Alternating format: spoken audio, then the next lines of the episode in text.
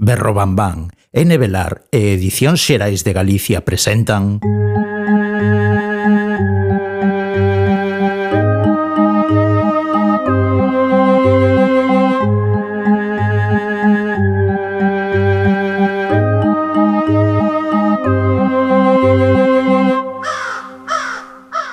Trece avisos.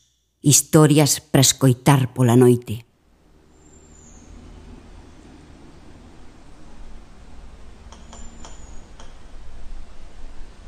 A madeira do carballo é resistente á humidade e ao paso do tempo. Con ela construíanse barcos que atravesaban o océano e vigas para soster pisos e teitos. Tamén é boa para leña. Por iso, un carballo seco non ten sentido ningún.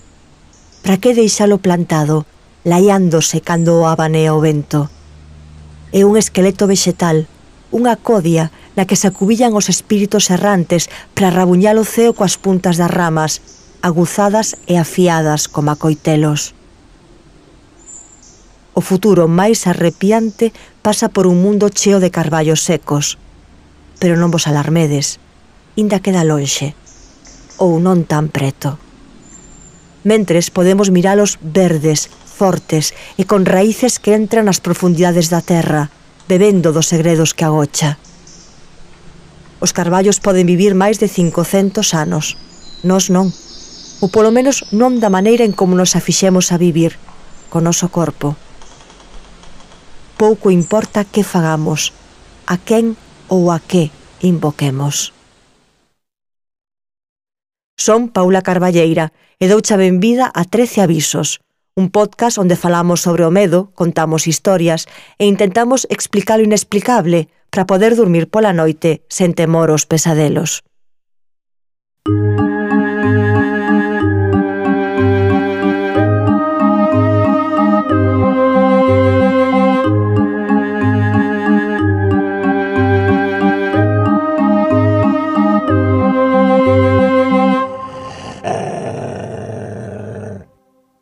o carballo seco.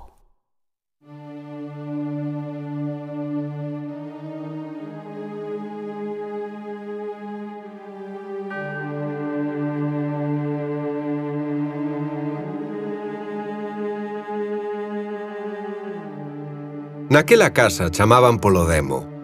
Sabío todo o mundo, ou polo menos, todas as persoas que habitaban no barrio residencial Os Loureiros, Desde que os seus antigos habitantes morreran nun incendio accidental, seica provocado por uns cirios dispostos en forma de círculo arredor dun extraño debuxo no chan do fallado, ninguén se atrevera a vivir alí. A morte daquel matrimonio resultoulle sospeitosa á policía, que pechou o caso sen comprender como non fixeran nada por evitar o lume, por abrir as xanelas, por escapar de algunha maneira, e seguiu xerando desconfianza na comunidade enteira. A pesar do nome do barrio, a única árbore que non pertencía ás sebes recortadas para marcar as lindes entre terreos era un carballo seco, á beira da casa maldita. As súas ramas retorcidas estirábanse cara ao tellado e no tronco debuxábase unha cara coa boca aberta nun berro de desesperación. Cando chegaron os novos propietarios, espallouse o rumor de que cortarían por fin o carballo, pero non foi así. Ao parecer, ao rapaz gustábanlle as sombras que debuxaba a luz da lúa. Os novos propietarios eran un famoso escritor e o seu fillo de 14 anos. O escritor acababa de publicar a segunda das novelas da súa anunciada triloxía sobre crimes satánicos e considerou que aquel lugar respondía á ambientación ideal para comezar a terceira. Iso non lles fixo moita graza ao resto de propietarios, todos de certa posición social, é dicir, con cartos abondo como para mercar intimidade, discreción e privacidade.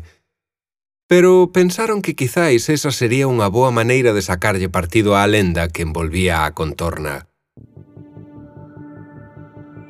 As donas das vivendas que quedaban fora da urbanización Tres irmás que pasaban medio ano nas súas fincas e marchaban no inverno a latitudes máis cálidas, eran das poucas que saudaban o escritor e o rapaz se os cruzaban pola rúa, e foron elas quen lles advertiron que se notaban algo extraño na casa, portas que se abrían e se pechaban soas, obxetos que cambiaban de lugar ou que eran lanzados violentamente contra as paredes.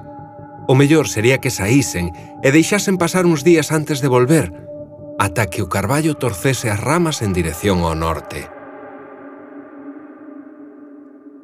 A noite de defuntos, o fillo do escritor espertou despois de escoitar un forte golpe no fallado.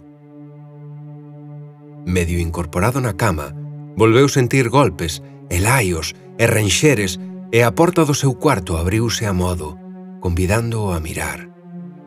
Foi, claro, e tropezou co seu pai no corredor, Riron como dous nenos pequenos. Outro golpe, no fallado, e un son de rabuños, como se unha rata enorme intentase furar o teito de madeira. Fora, unha tormenta axitaba o carballo seco e facía que as súas ramas batesen contra a casa. Onde estará o norte? Pasoulle o rapaz pola cabeza. O carballo avisa para que marchemos ou para que quedemos e non fagamos caso deses sons que nos chaman desde o fallado, pensou. Pero o pai xa estaba subindo as escaleiras. A porta do fallado parecía atrancada. O escritor tiña un xesto divertido na cara para tranquilizar ao fillo, mentres tiraba do pomo cada vez con máis forza ata arrincalo. No oco redondo que deixou a agarradoira, viron unha sombra que atravesaba o espazo e ningún dos dous podería asegurar que fose humana. O rapaz abaneou a cabeza dun lado a outro, mirando o seu pai, sen atreverse a falar. Recuou, por moito que o seu pai, o famoso escritor de novelas negras, lle pedise calma e puxase un pé no fallado. Todo foi tan rápido que o rapaz nunca puido saber como fixera para correr e sair da casa antes de que un raio a alcanzase e lle prendese lume outra vez, co escritor dentro. Segundo lle contou á policía, algo agarrou o seu pai, algo ruxiu, algo se debuxou nas tebras, algo grande e terrible. E un home e unha muller collidos da man foron cara a él deslizándose sen tocar o chan. Ven co teu pai, murmuraban coa boca pechada. Ven co teu pai. No barrio residencial Os Loureiros hai un terreo queimado a carón dun vello carballo. O carballo está seco, pero ninguén se atreve a cortalo, aínda que saiban que atrae os raios. A veciñanza da urbanización fai como que non ve a árbore, nin a marca escura no chan do que antes foi unha vivenda. Tres mulleres que chegan cada primavera para abrir as súas casas preto dali Comentan que por fin unha tormenta acabou co mito do lugar, pero non co Carballo, guardián de misterios e segredos. E lamentan a sorte daquel escritor, morto xusto no momento de maior éxito, e do seu fillo, que herdou os dereitos das novelas, revalorizadas polo episodio macabro, e que non volveu falar. Illado do mundo nun piso pequeno da cidade, rodeado doutros pisos, rodeado de asfalto e cemento, lonxe das árbores.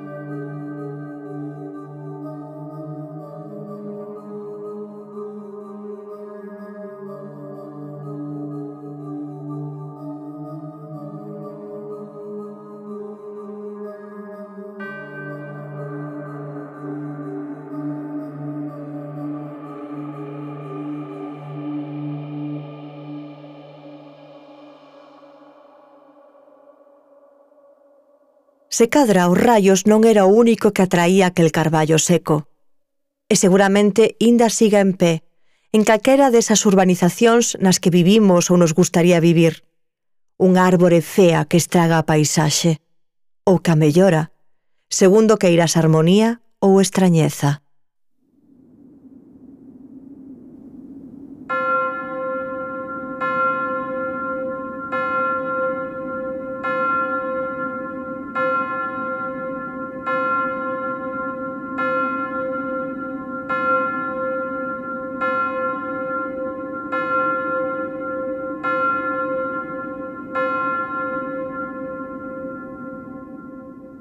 Aviso número 12. Árbores sinistras. Desconfía das árbores que parecen amistosas e das plantas con flores recendentes. De algún xeito, saben que poden enganarnos. Elas, que non perseguen nin se desprazan. A nós, que nos consideramos máis fortes, máis áxiles, as criaturas máis intelixentes do planeta. As árbores son testemunhas do que facemos. E algo debe pasar por elas, pois poden acollernos, alimentarnos e resgardarnos, pero tamén tolearnos en remedio, e mesmo levarnos á morte. Entre as árbores agóchanse as cabanas das bruxas, que coñecen as plantas velenosas para ferir ou curar, segundo o caso. Hai un bosque en Xapón onde din que vai xente a suicidarse, e en Guadalajara, México, existe a árbore do vampiro, que sangra cando a cortan, igual que sangra aquí o carballo de Allariz ou o de Vilar de Francos. Se queres manter a saúde, protéxete cun loureiro ou cun limoeiro, e non durmas baixo a sombra da figueira, da nogueira ou do castiñeiro.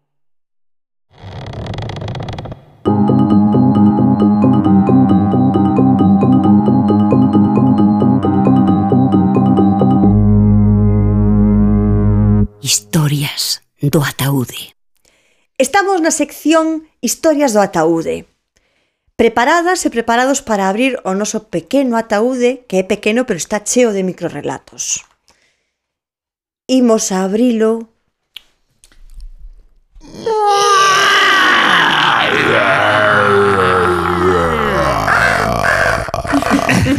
Cada vez ten máis sons distintos.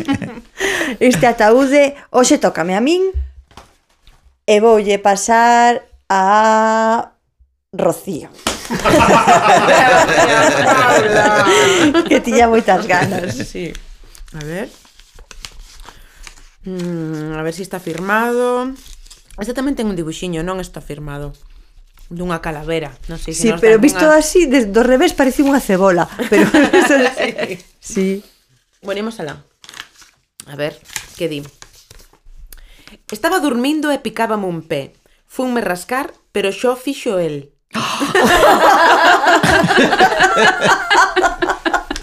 el! Que, que ira que... Pé. Que horror, que te rasquen un pé. Ay, El, Como que, como que, que, en que Pero é gracioso tamén, Sí. eh? Quen é? Porque eu me imagino a persoa esta convivindo cun el E todas as cousas misteriosas que pasan na casa fainas el. Que está aí, sempre. Sabes, ia coller un prato, pero xa o fixo el, el. e aparece o prato na mesa. claro, aquí non é como moita sorpresa, xa como algo máis cotidiano, non? Máis a mí non dame ese punto. É como que contabades outro día de unha serie, non? De alguén que convivía nunha casa con fantasmas. Ah, sí. Porque heredou a casa ou... E entón, pois, ao mellor é un... convive con fantasmas, con eh, entes sí, que lle rascan o pé, lle fan a comida, limpan sí, sí. a casa, fan a compañía, non sei. A casa mola moito, eh? Sí. Ter fantasmas deses. Estámonos tirando cara o lado máis guai, sí, así, máis, máis, máis gracioso, me, sí, máis gracioso, pero imagínate, agora vamos poñernos no lado mm, menos gracioso. Que, que claro, ti vas, picache un pé e fas unha acción tan cotidiana como aí vou, vou rascarme, pero de repente xa está facendo unha man aí el É que a, a min daríame un infarto se si de repente, eh, eu que sei, vou me rascar o hai unha... Sí, sí, sí, pero bueno, ten, esa, ten ese punto de, de, de repente se ha hecho fan por ti, non? Quero claro. decir que... Eso sería chulo, pero ti imagínate que durmes cun pé fora da, do edredón. Sí, Nunca. lembro aquel que saliu do da man Claro. Nos, nos primeiros nos, nos primeiros episodios. Ah, no? sí. que salira un que can, sí. que, sí. Que lle la mía. A lenda urbana eh. esta, sí, uh -huh. sí, sí. Sí, que despois nos contaches ti que que que había unha lenda urbana parecida, la la la. Sí, pero no, isto non non, non, non é unha man eh, fría. El. El, claro, el. Claro, sí, é, é, é alguén, alguén con... sí, alguén coñecido e alguén con, vamos, Non vistes nome, non un, hai uns vídeos dunhas eh, dunhas bromas que se fan consiste en alguén que está pois, pues, sentado nun sofá ou nunha silla tal, pois pues, vendo a tele, non sei que, e achégase alguén e ponlle a man por encima do ombro eh, así do outro lado. Entón, ti isto recíbelo como normal, non? E estáche preguntando algo. E acaba de decircho e marcha. Pero claro, esta man que estaba aquí colocada non era a del, sino que é dun cómplice que estaba por detrás e que poñía a man. Entón, cando esta persoa Eso, marcha, sí. cando esta persoa marcha, de repente tivela marchar, pero tarda todo o mundo ne, nos vídeos nesa broma tarda mm, un segundo sen darse conta de que a man segue aí. e todo o mundo se queda paralizado mirando a man como dicindo E berran, claro, berran claro. e salen correndo. Non, agora que está falando barato disto, pode ser pois pues, tipo mano ou claro, o, claro. a de a, familia, a de a familia Adams, sí, sí. Cosa, no, cosa. Non, eh, man, man, bueno. Man. Sí, sí. Pero eh, que xa falamos desto do, do Porque dunha da eh, man, eh. do, da, do, da besta de cinco dedos, que che comentaba a ti, Nuria, que hai un conto sobre unha man embalsamada, que fixeron tamén unha película. E claro, é que estas cousas, e en todo, conto, é que lembro-me para que dixeches, cando falan da man, non din a man, ni sequera está escrito a man con, con mayúscula, con M mayúscula, non? Sino que di iso, que o it que aparece nun montón de cousas. Iso fixo non sei que non sei canto. Iso acompañoume. Este el a mí lembroume a, a iso. A iso. A iso. A iso. é moi guai como utilizan, eh, pasa en todos os microrelatos, eh, como van o detalle das, das palabras, que as palabras precisas, as xustas, así que non eh. sobra nada nin falta. E, e ese detalle, poñer a mayúscula, sí. Mm. ese son os pequenos detalles que dis, carai. Sí. Hai esperanza.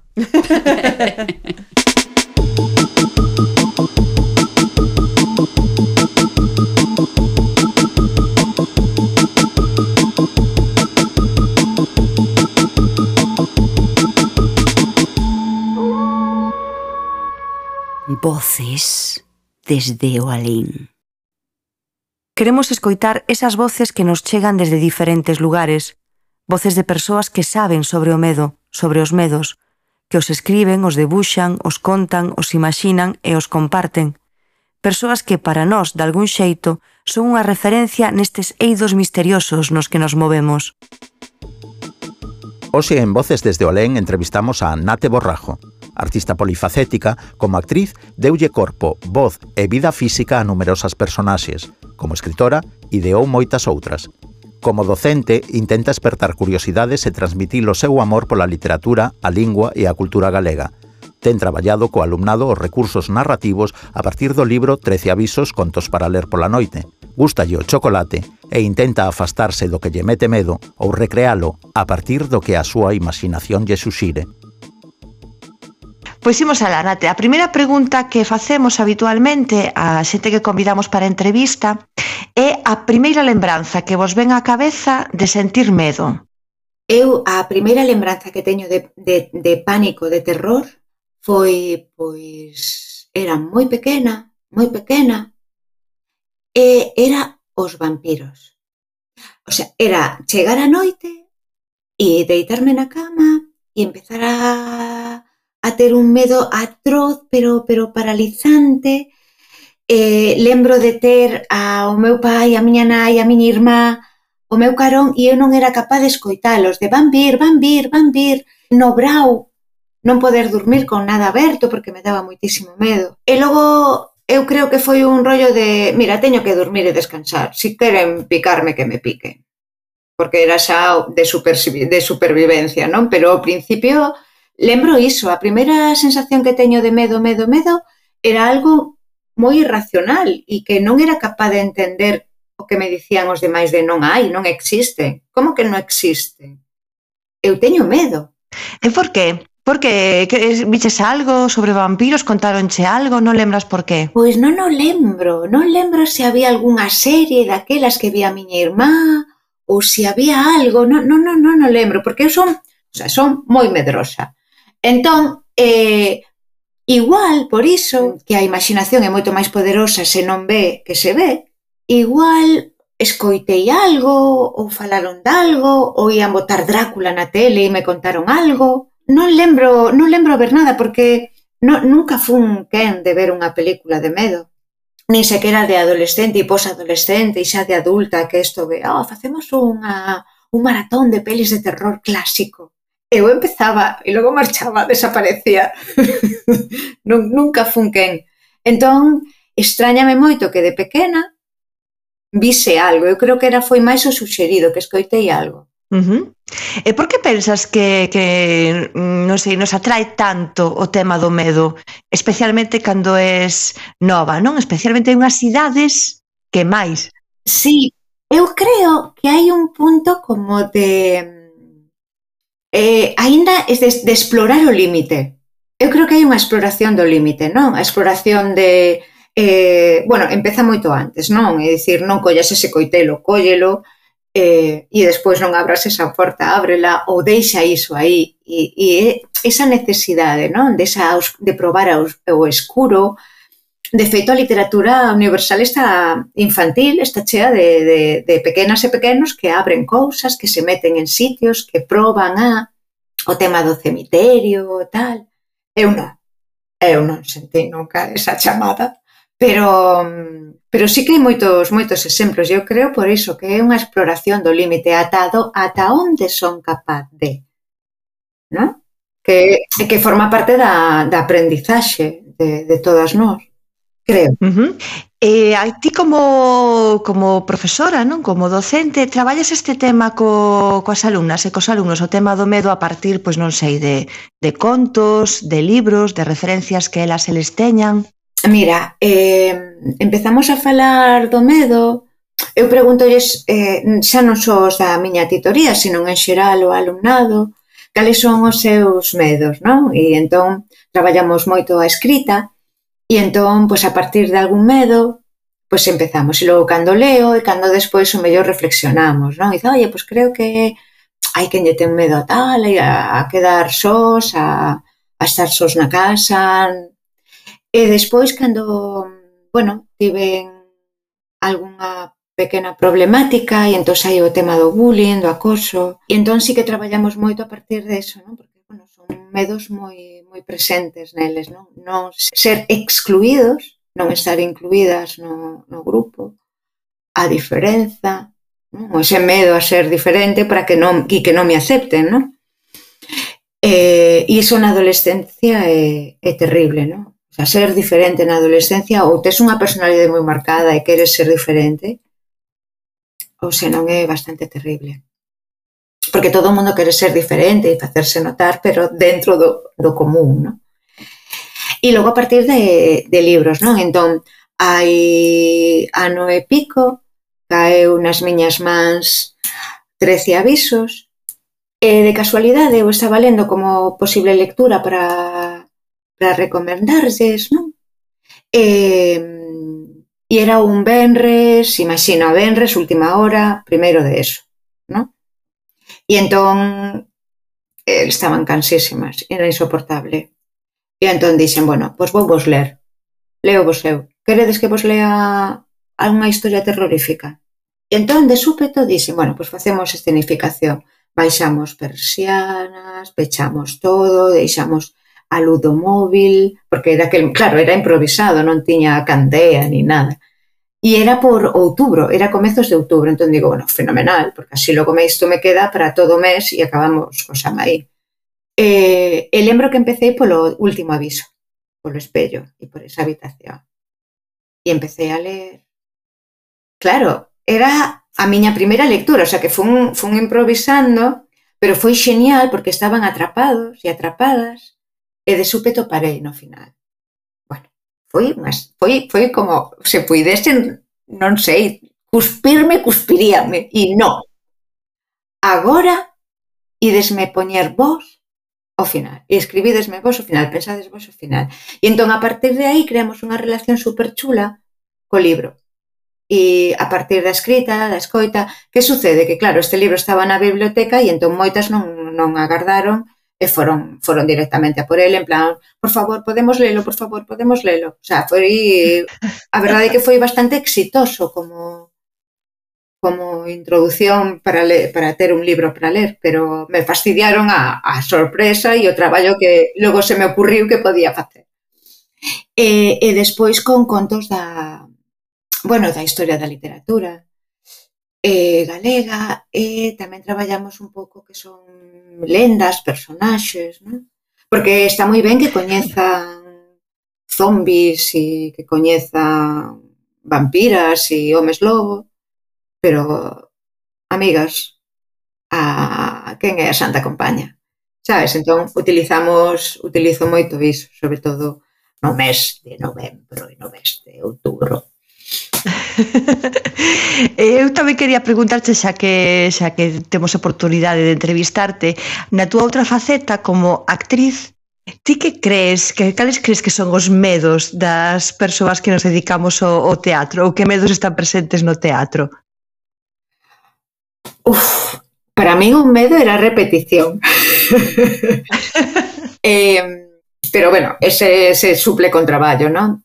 Pero Repetición, perdona, eh, repetición entendida como algo que tens que, que, que repetir continuamente da mesma maneira como aburrimento, ese era o medo. O medo a aburrir e a facer sempre o mesmo personaxe. É dicir, independentemente de que fose unha muller, unha nena, sabes? De non atopar matices, de non, de non coñecer ben o personaxe, non? De non, de non enfiañar ben o, o personaxe. Eh, pero imagino que o medo, por exemplo, na estrea, ese nervio non lle chamaría medo, pero é, é, é difícil, sí, porque a min a, a escena axudábame a, a ser outra eu, pero non sei agora, é complicada, sí. Sí, sí, non, é eh, que tamén é unha resposta, non? Que quizáis o feito de facer teatro pois eh, pode axudar a Mm, de algún xeito pois exorcizar se se pode chamar así algúns medos, non? Con esa, esa outra persoa que es ti tamén, pero sen medo, non? Que o teatro permite iso trascender. Sí, e transgredir, non? Ese punto que un personaxe dice, eu nunca faría isto, pero es así, entón, pois veña, é, é xenial, e explorar, non? iso que faría ela que, que o mellor ti nunca farías. É, é xenial. E xa para, para pechar, Nate, a min gustaríame, a nós, gustaríanos que nos contases algo arrepiante que che aconteceu de verdade. vale. Eh, nunca me aconteceu nada arrepiante porque nunca me puxen en situación de arrepío, claro, o sea, tampouco había casas abandonadas en Seixalvo daquelas, nin nada así Non, non tive moita oportunidade. E o de ir ao cemiterio nin se me ocorrería, vamos. A ver, eh, bueno, faltou unha persoa moi querida e foi así sen, sen avisar. Entón, eh, eu tiña moitísima mágoa porque claro, non, non puderamos despedirnos, non puderamos falar, non? E lembro que un día acordei e soñara con esa persoa. E faláramos pero dun xeito tan real, tan real, tan real. la, logo explicarome que claro que tiña tantas ganas que o meu a miña sensación era de que, o sea, o meu subconsciente apurou ou creou ese sono, non? Pero hai unha parte de min, non? Que quere pensar que foi, re... o sea, que non quere desbotar que haxa unha, unha mica de realidade. E despois algo espantoso, espantoso, algo terrible, no, no. O sea, relacionado co medo, no, no. No, no, no, é que nunca me expuxen así. Sempre me emocionou porque teño unha amiga que di que sente, non? Que, que ve sombras, que acompañan, que, bueno, e a mí me, me, me fascina, non? Digo, oh, que, que, que, que apasionante, que, que... Pero logo non sei se me gustaría ser quen, sabes? De que me pasase iso, porque creo que non podería vivir conmigo.